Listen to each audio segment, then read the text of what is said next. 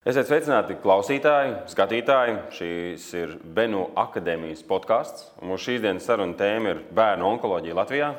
Es esmu Valdis Melderis, un mans pienākums būs uzdot uh, īstiem cilvēkiem īstos jautājumus. Un šodien mūsu sarunā piedalās Bērnu slimnīcas fonda izpildirektore Agnēta Dīdriksone. Uh, labdarības kampaņas ar sirsnību pret slimību ziedo kopā ar Benu vēstnesi, jaunā ārste Katrīna Puriņa Liberti Un uh, māma ģimenē, kur uh, personīgi ir saskārušies ar onkoloģisko uh, saslimšanu uh, savam bērniņam, un uh, māma ir Marita Pērziņa Meirāna. Mūsu šīsdienas saruna ir par kampaņu. Jau trešo gadu Benu aptieku sadarbībā ar Bērnu slimnīcas fondu organizēja labdarības kampaņu ar sirsnību pret slimību, ziedo kopā ar Benu. Mēs šodien runāsim par to, kā kampaņas ietvaros tiek vākti līdzekļi bērniem, kam diagnosticētas onkoloģiskās saslimšanas un trūkst līdzekļu, lai sektu valsts nekompensētos ārstniecības izdevumus, jo tādi bieži vien arī rodas. Jo šis atbalsts ir ļoti, ļoti svarīgs. Tas ārstēšanās un arī diagnostikas process ir ļoti sarežģīts, laikietilpīgs. Var rasties izdevumi, kas nav valsts apmaksāti. Un kampaņas mērķis ir nodrošināt, lai bērniem būtu pieejams viss ārstēšanai nepieciešamas arī tajās pozīcijās, kuras valsts neapmaksā. Šajā podkāstā Mēs runāsim par bērnu onkoloģiju Latvijā. Kas būtu jāzina vecākiem, kādas ir iespējas, ko darīt un varbūt arī ko nedarīt. Un kādas ir iespējas kampaņas ietvaros palīdzēt vai saņemt palīdzību. Un es domāju, sāksim ar jautājumiem, kas vairāk skar katru no jums, ar ko jūs visbiežāk saskaraties šajā tēmā. Varbūt ar Agnēti. Pirmais jautājums ir, ar ko nodarbojas Bērnu slimnīcas fonds ikdienā? Un kādu daļu, ja tā var teikt, no darba ieņem tieši onkoloģijas jautājumi? Bērnu slimnīcas fonds nodarbojas ar veselības palīdzības sniegšanu bērniem un viņu ģimenēm tajos brīžos, kad tas ir nepieciešams, kad nav nepieciešamais valsts atbalsts, un attiecīgi tad mēs arī palīdzam un sniedzam šo palīdzību. Un palīdzība ir ļoti daudzveidīga atkarībā kādas ir bijušas ārsta rekomendācijas, jo mēs arī strādājam eh, ļoti cieši ar bērnu slimnīcas ārstiem kā komanda, lai palīdzētu un sniegtu vislabāko medicīnisko palīdzību. Un kādos, bērnos, eh, kādos gadījumos bērnu vecāki var uh, vērsties pēc palīdzības? Eh, bērnu vecākiem aicinām vērsties bērnu slimnīcas fondā. Gadījumos faktiski tie ir divi gadījumi. Viens ir tad, kad šis nepieciešamais medicīniskais pakalpojums, vai tas ir kāda manipulācija, nu, ārstēšana, vai tie ir medikamenti, eh, vai tas netiek sekts no valsts budžeta. Un otrs gadījums ir tāds, kad eh, kāds konkrētais medicīniskais pakalpojums vienkārši Latvijā netiek sniegts pēc būtības. Ja? Tie faktiski ir divi tie galvenie gadījumi, kad mēs aicinām vecākus vērsties bērnu slimnīcas fondā, lai mēs varam nekavējoties sniegt šo palīdzību, kas ir nepieciešama. Protams, kopā kopā ar bērnu slimnīcas speciālistiem. Mm. Pirms mēs runājam par uh, kampaņu ar tās vēstnesi, es gribēju pajautāt uh, Marijai, tev kā mammai, vai saskaroties ar onkoloģisko saslimšanu, vecākiem ir uh, pietiekami informācijas par to, kur vērsties, kas ir nepieciešams, ko darīt? Nu, mūsu gadījumā bija tā, ka šo diagnozi atklāja bērnu slimnīcā. Un tad mums īsti nekur nevajadzēja vērsties. Viss notika ļoti operatīvi un automātiski no nodaļas uz nodaļu. Bet kopumā, ja tas uh, nenotiek tur uz vietas, tad man jāatzīst, ka tādas informācijas nav. Latvijasiski vispār informācijas par bērnu onkoloģiju ir diezgan maz. Jā, tieši palasīt, vai, vai, vai, vai kā, kas tas vispār ir. Nu, -hmm. Tā ja vārdu vēzis jau mēs esam dzirdējuši visi, bet tieši lai saprastu uh, kaut ko sīkāk un smalkāk, un kā notiek terapija, un kas tas vispār ir šūnu līmenī vai, vai cilvēka organismā. Nu, nē, tādu informāciju es meklēju svešvalodā. Tātad svešvalodā tā ir internetā pieejama, bet jā, trūkst tieši jā. latviešu valodā? Uh, nu, tieši Latvi, latviski, es nezinu, varbūt šo, uz šodienu, kas ir mainījies. Mums gan bija 11. gadā atklāja to diagnozi. 2011. Jā, 2011. Tādēļ nu, būtu ļoti jauki arī, ja būtu latviešu kāda video rullīša tieši, mm -hmm. kā, nu, kas tā terapija ir, par, par mazliet par ķīmijterapiju nu, un tādās niansēs sīkāk. Jo, nu, runājot par informācijas trūkumu, droši vien, ka lielākās bailes un bažas izraisa tas, ka tu īsti nesaproti, kas notiek un kas notiks tālāk? Jā, tieši tā, tad, kad tiek paziņota diagnoze, līdz tam mirklim nu jā, mums to ķīmijterapiju uzsāka uzreiz diagnozi paziņoja, un otrā dienā tika uzsākta terapija.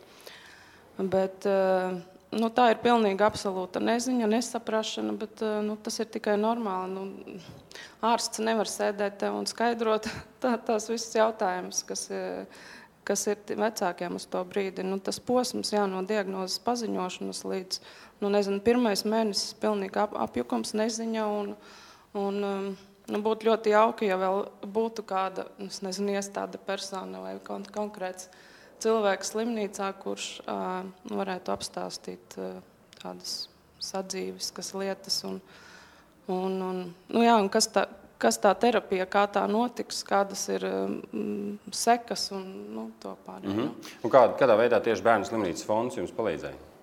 Bērnu slimnīcas fonds uh, saistībā ar, ar šo informāciju, ar informāciju. Nē, ne tikai ar informāciju, Jā. bet vispār kopumā. Vispār kopumā. Nu, mums tieši konkrēti, mums personīgi, mūsu ģimenei ļoti paveicās, ka mums nebija jālūdz palīdzība, jo ļoti daudz, nevis ļoti daudz, bet visu praktiski mums medicīnisko pusi sedz valsts.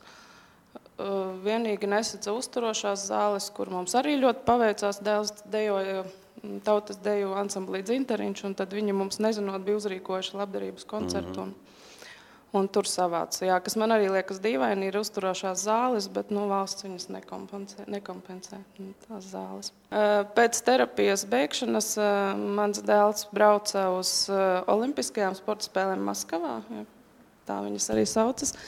Uzvarētāju spēles, tā, tā, tā Maskavā viņas ir nosauktas. Un visus izdevumus ar ceļa izdevumus gan vecākam, gan bērnam sedz bērnu slimnīcas fonds.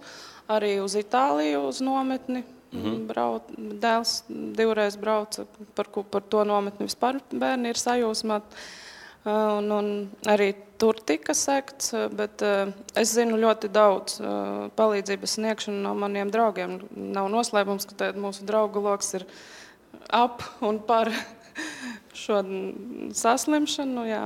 Un, es zinu, mēs braucām pie vienas ģimenes uz Vāciju, kuri tur ārstējās. Un, uh, viņiem tika izrakstīts rēķins, ja nemaldos, ap 2000 par uh, vecāku māju vai, vai, mm -hmm. vai fonda māju, kā viņi tur sauc. Nezināšu precīzi teikt. Un ļoti operatīvi divu dienu laikā vai pat vienas dienas laikā tika sekts šis rēķins, lai viņi var izrakstīties. Tāpat eh, mani paziņas brauca uz Lietuvu, uz kaulu smadzeņu transplantāciju un cilmu šunu savākšanu arī tur. Um, gan viesnīcu, gan ceļa izdevumus. Mm -hmm. Jā, nu, 2011. gadā es nezinu, vai, tā, vai tas jau tiešām līdz manim tāda informācija tajos gados nenonāca. Mm -hmm. Bet tagad es ļoti daudzas ģimenes zinu, kuras tiek atbalstītas. Uh, labdarības kampaņas ar sirsnību pret slimību ziedo kopā ar Benu laikā kopumā līdz šim saziedot jau 45,000 eiro. Un es gribēju jautāt uh, kampaņas vēstnesēji Katrīnai Puriņai Libertei. Uh, jūs esat iedrīkst tu. Esi vēstnesi no pašiem kampaņas pirmsākumiem. Uh, kāpēc tu izvēlējies atbalstīt tieši šo kampaņu? Jo nu, kampaņu ir daudz, un, un daudz no tām ir ļoti svarīgas. Noteikti tev arī personīgi tuvas. Bet tu kļuvi par vēstnesi šai kampaņai. Kāpēc?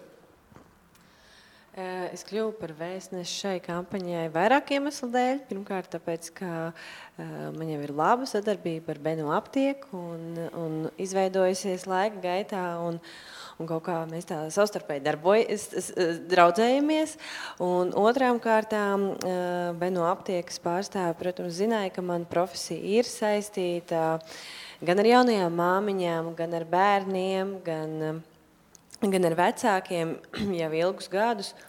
Un, uh, kaut kā tā ir sanācis, ka tomēr sabiedrībā daudzi mani uh, uztver kā tādu vēstnesi daudzām lietām, kas ir saistītas ar jauno vecāku būšanu, un, un māmiņām, un arī bērnu aprūpi, un piedzemdēšanu, un audzināšanu un dažādiem šādiem jautājumiem.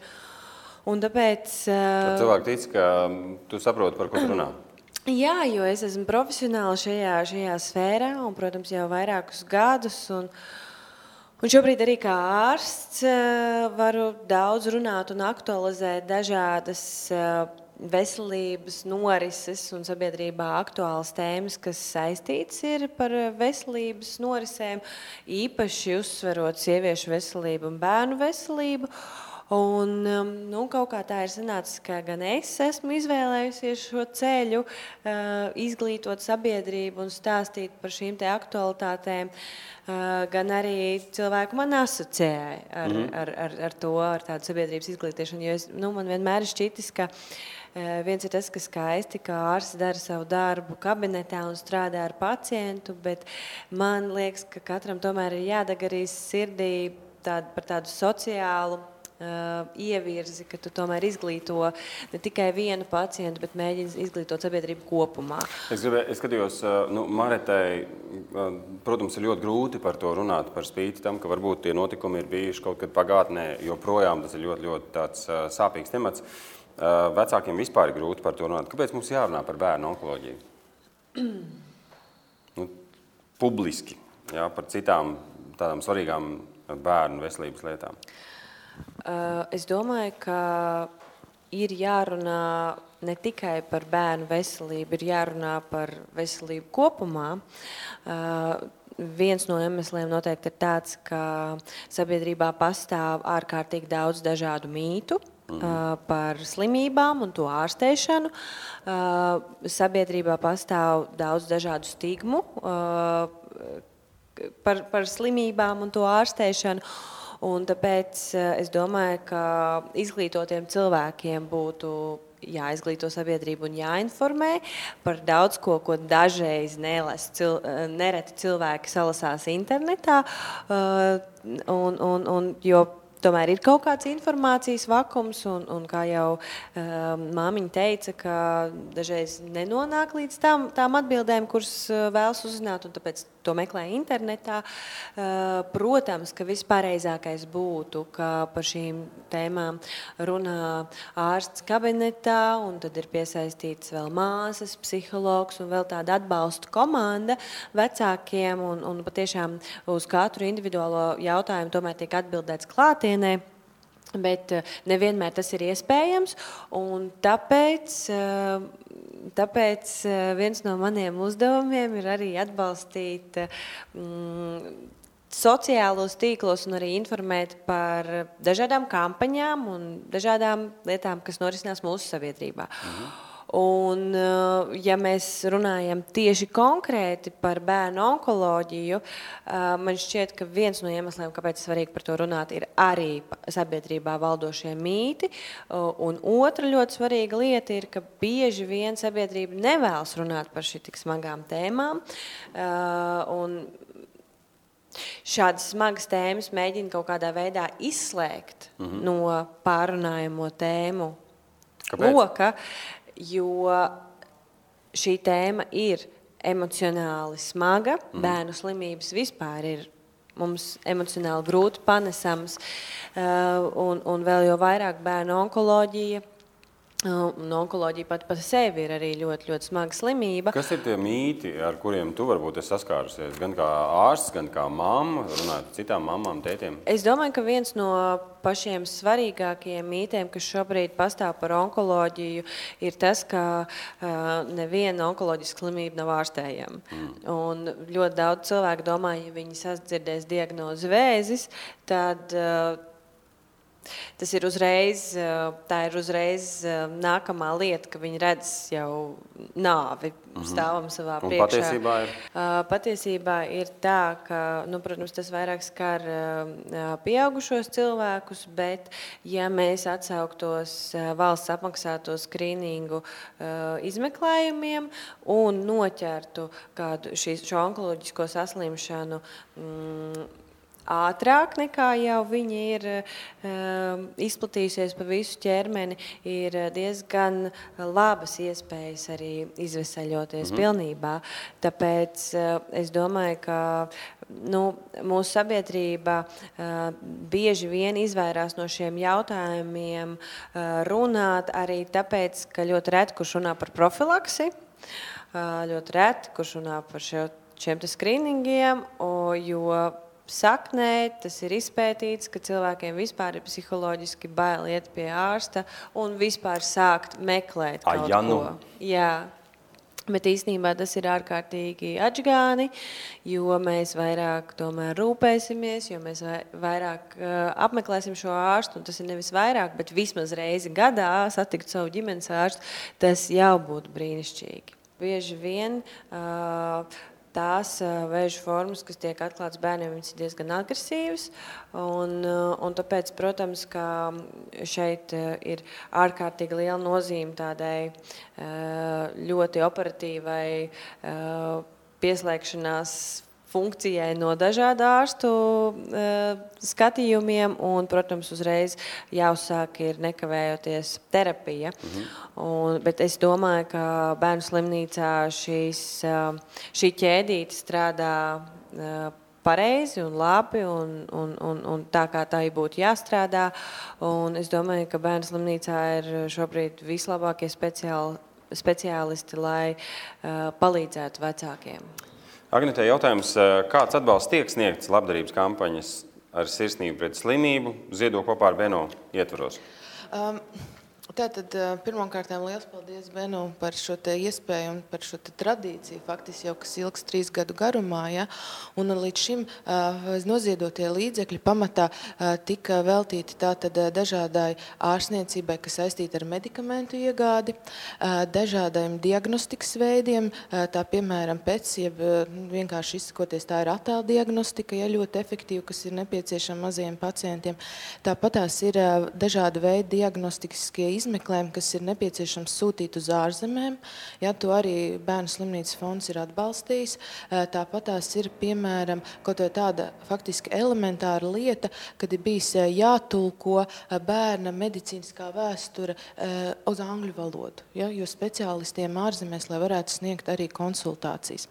Tāpat tās arī ir bijuši braucieni, kur nepieciešams finansēt avio biļešu izdevumus un, piemēram, arī tāds, tā, tāda pozīcija, kad, kad bērns jau uz dažām dienām tiek palaists mājās pie ģimenes no slimnīcas, ja, tad tas ir saprotams, ka bērnam ir pazemināta imunitāte un viņš nevar braukt, piemēram, sabiedriskajā transportā. Un, ja, piemēram, ģimenē nav sava personīga auto, tad arī tas tiek finansēts, lai bērns nokļūtu mājās un atpakaļ slimnīcā. Tā kā, nu, faktiski ir ļoti daudzveidīga šī nepieciešamā palīdzība, ja, ko mēs no savas puses mm arī atbalstam un, un palīdzam bērniem un viņu ģimenēm. Kā vecāks var zināt, ka, nu, ka viņš var pretendēt uz šādu palīdzību? Vai ir kāds, kas viņu konsultē, vai viņam kaut kur jāvēršas? Ir? Kam to jautāt? Noteikti tas būtu sadarbībā ar bērnu slimnīcas ārstiem, ar šo ārstējošo komandu. Tad noteikti pirmā persona būtu ārstējošais ārsts, kas noteikti arī dod šīs rekomendācijas, vērsties un noteikti palīdzētu ar izcinājumu. Un, protams, vienmēr var vērsties uz bērnu slimnīcas fondā. Mums ir mājaslapa, ir kontaktinformācija. Un tā kā mēs arī aicinām, mēs vienmēr palīdzēsim, atbalstīsim arī ar, ar komunikāciju un, un viss, kas nepieciešams. Bet noteikti primārais tas būtu ārstējošais ārsts. Vai ir bijuši gadījumi, kad pie jums vēršas vecāki un jūs sakāt, mm, šis nav tas gadījums, ir jāvēršas kaut kur citur, ir kaut kādi gadījumi, kuros jūs nevarat palīdzēt, vai arī, nu, ja tā var teikt, tas nav īsti jūsu atbildības uh, ietvaros? Tātad tie gadījumi faktiski mēs balstamies uz, uz ārstējošā ārsta atzinumu. Mhm. Ja, tā, ja ir bijusi šāda noteikta ārstēšanas rekomendācija, mēs noteikti palīdzēsim. Tas ir faktiski galvenais. Un, protams, mēs arī skatāmies, vai šis pakalpojums jau nav, netiek sekts no valsts budžeta. Mhm. Faktiski tie ir tikai divi, divi tādi apstākļi, ko mēs vērtējam šajos pieteikumos. Pārējo visu mēs absolūti atbalstam un, un palīdzam bērniem un viņu ģimenēm. Mhm. Uh, Maritē jautājums. Eh, vai jūs konkrēti savā gadījumā izmantojāt Latvijā pieejamās eh, ārstniecības iespējas, vai bija nepieciešams doties uz ārzemēm, bija kaut kas, ko šeit nevarēja dabūt? Jā, nu, pamat pirmais gads bija ārstēšanās Latvijā. Eh, tad div, divas reizes devāmies uz Viļņu. Pirmā bija cilmes šūnu savākšana. Jā, dēls pats bija donors. Un, un otrais devāmies uz kaulu smadzeņu transplantāciju. Un tad pēc Pēc visas tās terapijas, eh, diemžēl, vēl nebija viss tur pazudis. Mhm. Tad vēl devāmies uz Poliju uz operāciju. Mhm. Tā kā ne tikai Latvijā. Ko jūs kā mamma varētu ieteikt um, vecākiem, kas saskaras ar uh, bērnu onkoloģisko saslimšanu? No savas pieredzes, kas tās galvenās lietas, kas notiek? Nu, no šodien pēc cik jau gadi pagājuši no 11. man gribētos teikt, saglabāt vēsu prātu un visus lēmumus pieņemt saprātīgi, bet nu, tas ir viegli pateikt, bet, bet tai šoka brīdī, protams, arī mēs, mums arī likās, ka ir kaut kur jāskrien.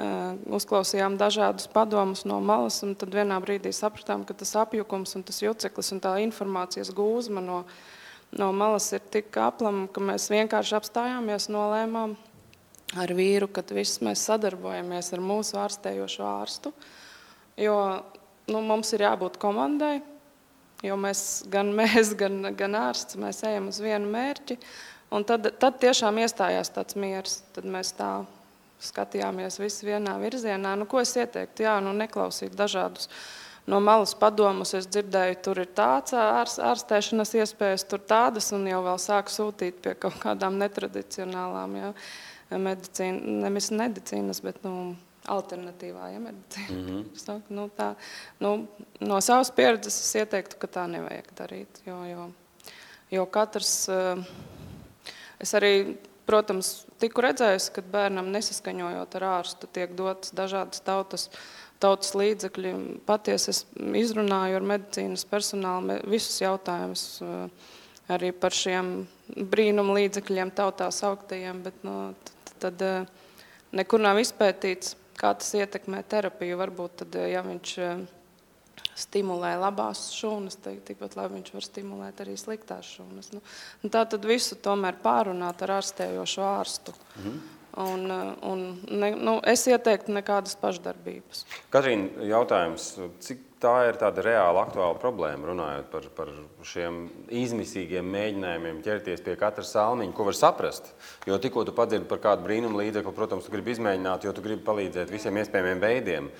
Bet, nu, ko mēs varam ieteikt šādiem vecākiem? Es domāju, ka šādos gadījumos ir jāsaprot, ka visiem ir jāsadarbojas un visi iet uz vienu mērķi.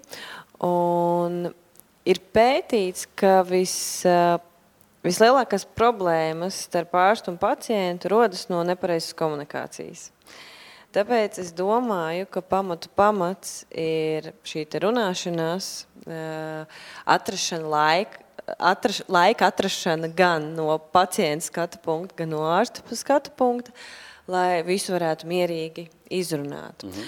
Un es domāju, ka ārkārtīgi svarīgi, ņemot vērā, ka tur emocijas arī ņem virsroku, būtu pieaicināt vai nu kādu mediātoru, vai nu psihologu, vai nu kādu, vēl kādu atbalstu personu, kas palīdzētu strādāt arī ar šo emocionālo un psiholoģisko pusi, un lai uz šo situāciju varētu paskatīties no, no visām pusēm, un lai varētu tiešām sākt operatīvi terapiju, palīdzēt gan mammai, gan tētim tikt galā ar šīm emocijām un saprast, kā var palīdzēt bērnam. Jo, protams, apjukuši ir visi. Un es domāju, arī kā ārsts jaunais, es domāju, ka mediķim tas arī nav viegli. Tā nav rutīna. Jā, mm. tas notiek katru dienu, bet katrs pacients ārstam ir svarīgs un īpašs. Un, un tāpēc es domāju, ka šajā situācijā viegli nav nevienam. Bet es domāju, ka caur tādu sadarbību, komunikāciju, laika ieguldīšanu mēs varam iet uz rezultātu. Un cik man ir zināms, ka bērnu slimnīcā ārsti mēģina veltīt laiku, cik vien daudz iespējams vecākiem. Tur ir šī sadarbība, ka arī māsas pieslēdzās klāt, un arī bērnu fonds. Un, un, un, un var pieaicināt kādu no malas psihologu. To mēs pagājušajā diskusijā arī pārunājām. Un kā šādas iespējas ir un veicināt šo komunikāciju starp ārstu, starp vecāku un starp, protams, arī mazo pacientu.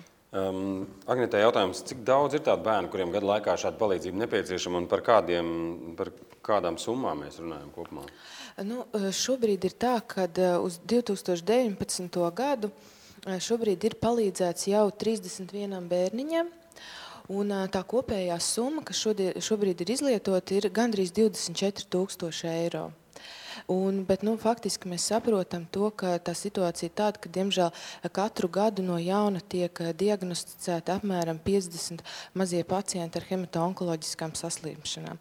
Nu, tad mēs saprotam, ka tā, tā palīdzība vajadzīga katru gadu. Un, protams, tas ir lieliski, ka šobrīd tāda iespēja ir papildus palīdzēt un atbalstīt. Parunāsim par kampaņu un kādā veidā mēs, skatītāji, klausītāji, varam palīdzēt. Vai uzņēmumiem ir iespēja atbalstīt bērnu slimnīcas fondu un kādā veidā un cik tas ir nozīmīgi? Uzņēmumiem, protams, ir iespēja atbalstīt bērnu slimnīcas fondu.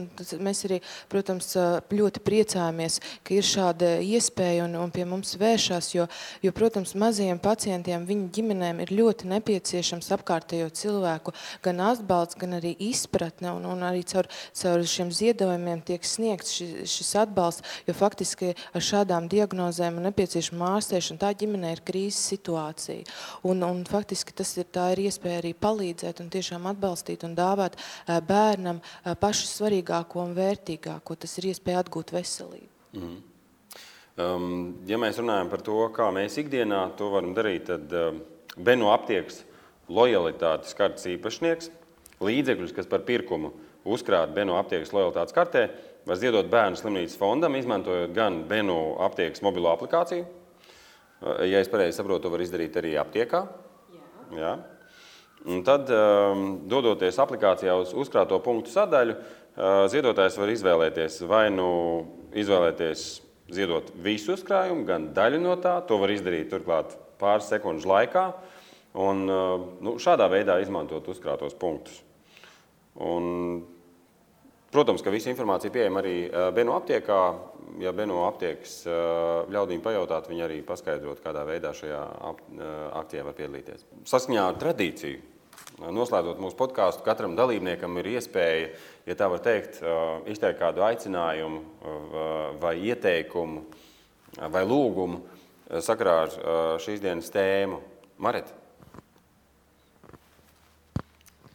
Nu, tā tad nu, es, es aicināšu ziedot, jo saskaroties ar šo diagnozi, nav tā, ka tikai mamma iet slimnīcā līdz bērnam. Tur ir iesaistīta visa ģimene, iespējams, uz kādu laiku bez darba, nu, tā teiksim, nu, jā, bez, bez darba. Bez iespējas, bez iespējas strādāt, jā. Paliek abi vecāki, jo nu, mūsu gadījumā mums mājās bija vēl mazs bērns, viens bērns slimnīcā. Līdz ar to, un arī pat tā godīgi jāsaka, emocionāli nav spēka strādāt, jo domas tāpat ir tikai un vienīgi par vienu. Jā, tādēļ nu, tas ir ļoti liels atbalsts, ja jau uz to brīdi vecākam vēl nav jādomā par, par ienākumiem, ko, par ko nopirkt pārtiku bērnam, jo bērns ķīmijas laikā viņam arī ir īpašas vēlmes. Tas nav tā, ko tu noliksi, to viņš ēdīs. Mm. Viņš, un mēs esam laimīgi, ka viņš ēd, mēs esam gatavi viņam bērnam atnest vienalga un piepildīt kādu viņa vēlēšanos. Jā, un vēl, vēl es gribētu izmantot izdevību un, un pateikt ģimenēm, ka ir jāturas kopā terapijā. Visā procesā ir jāpiedalās abiem vecākiem, jo, jo, jo pretējā gadījumā tad arī attiecības ģimenē sāk šķobīties. Un, Un, un viss tas ceļš ir jāiet visiem kopā, un nevajag aizmirst arī bērnus, kas ir mājās, jo tie arī ļoti, ļoti cieši. Ir ļoti daudz piemēru redzēt, kad, kad bērns attālinās no, no mammas. Mums jāatceras, ka arī tas bērniņš mājās, veselais bērniņš ļoti pārdzīvo un cieši un ir līdz saistīts visā šajā procesā. Mm -hmm. Paldies, Katrīna! Es noteikti kā akcijas vēstnes arī aicināšu cilvēkus iesaistīties akcijā un beno klientus, kuriem ir lojalitātes karte eh, gan aptiekā, gan aplikācijā ziedot šos līdzekļus un katru gadu atcerēties par, par, par šiem uzkrātajiem līdzekļiem un noziedot viņus šiem labajiem mērķim. Bet tomēr es arī izmantošu iespēju, ka es varu šobrīd uzrunāt sabiedrību. Visur, kur man ir iespējas, mēģinu to teikt, ka šobrīd nāk šis Ziemassvētku laiks. Un es uzskatu, ka vislabākā Ziemassvētku dāvana mums viens otram, ko mēs varam sniegt, ir rūpes par savu veselību. Un tāpēc es aicinu katru katru cilvēku šajā sabiedrībā, kas mūs klausās, parūpēties par savu veselību un savu līdzcilvēku veselību, tādā veidā aizvedot pie ārsta māmu vai aizvedot pie ārsta vecmāmiņu, atgādinot vectētiņam, kad viņš pēdējo reizi ir taisījis, teiksim, zarnu vēžu skrīningu pie ģimenes ārsta. Protams, pārbaudot arī savu bērnu veselību, un es domāju, ka aizmirstam par mantām un lietām, ko var nopirkt veikalā, veikalos, un kur varbūt tas derīguma termiņš ir īss, bet atceramies par savu derīguma termiņu.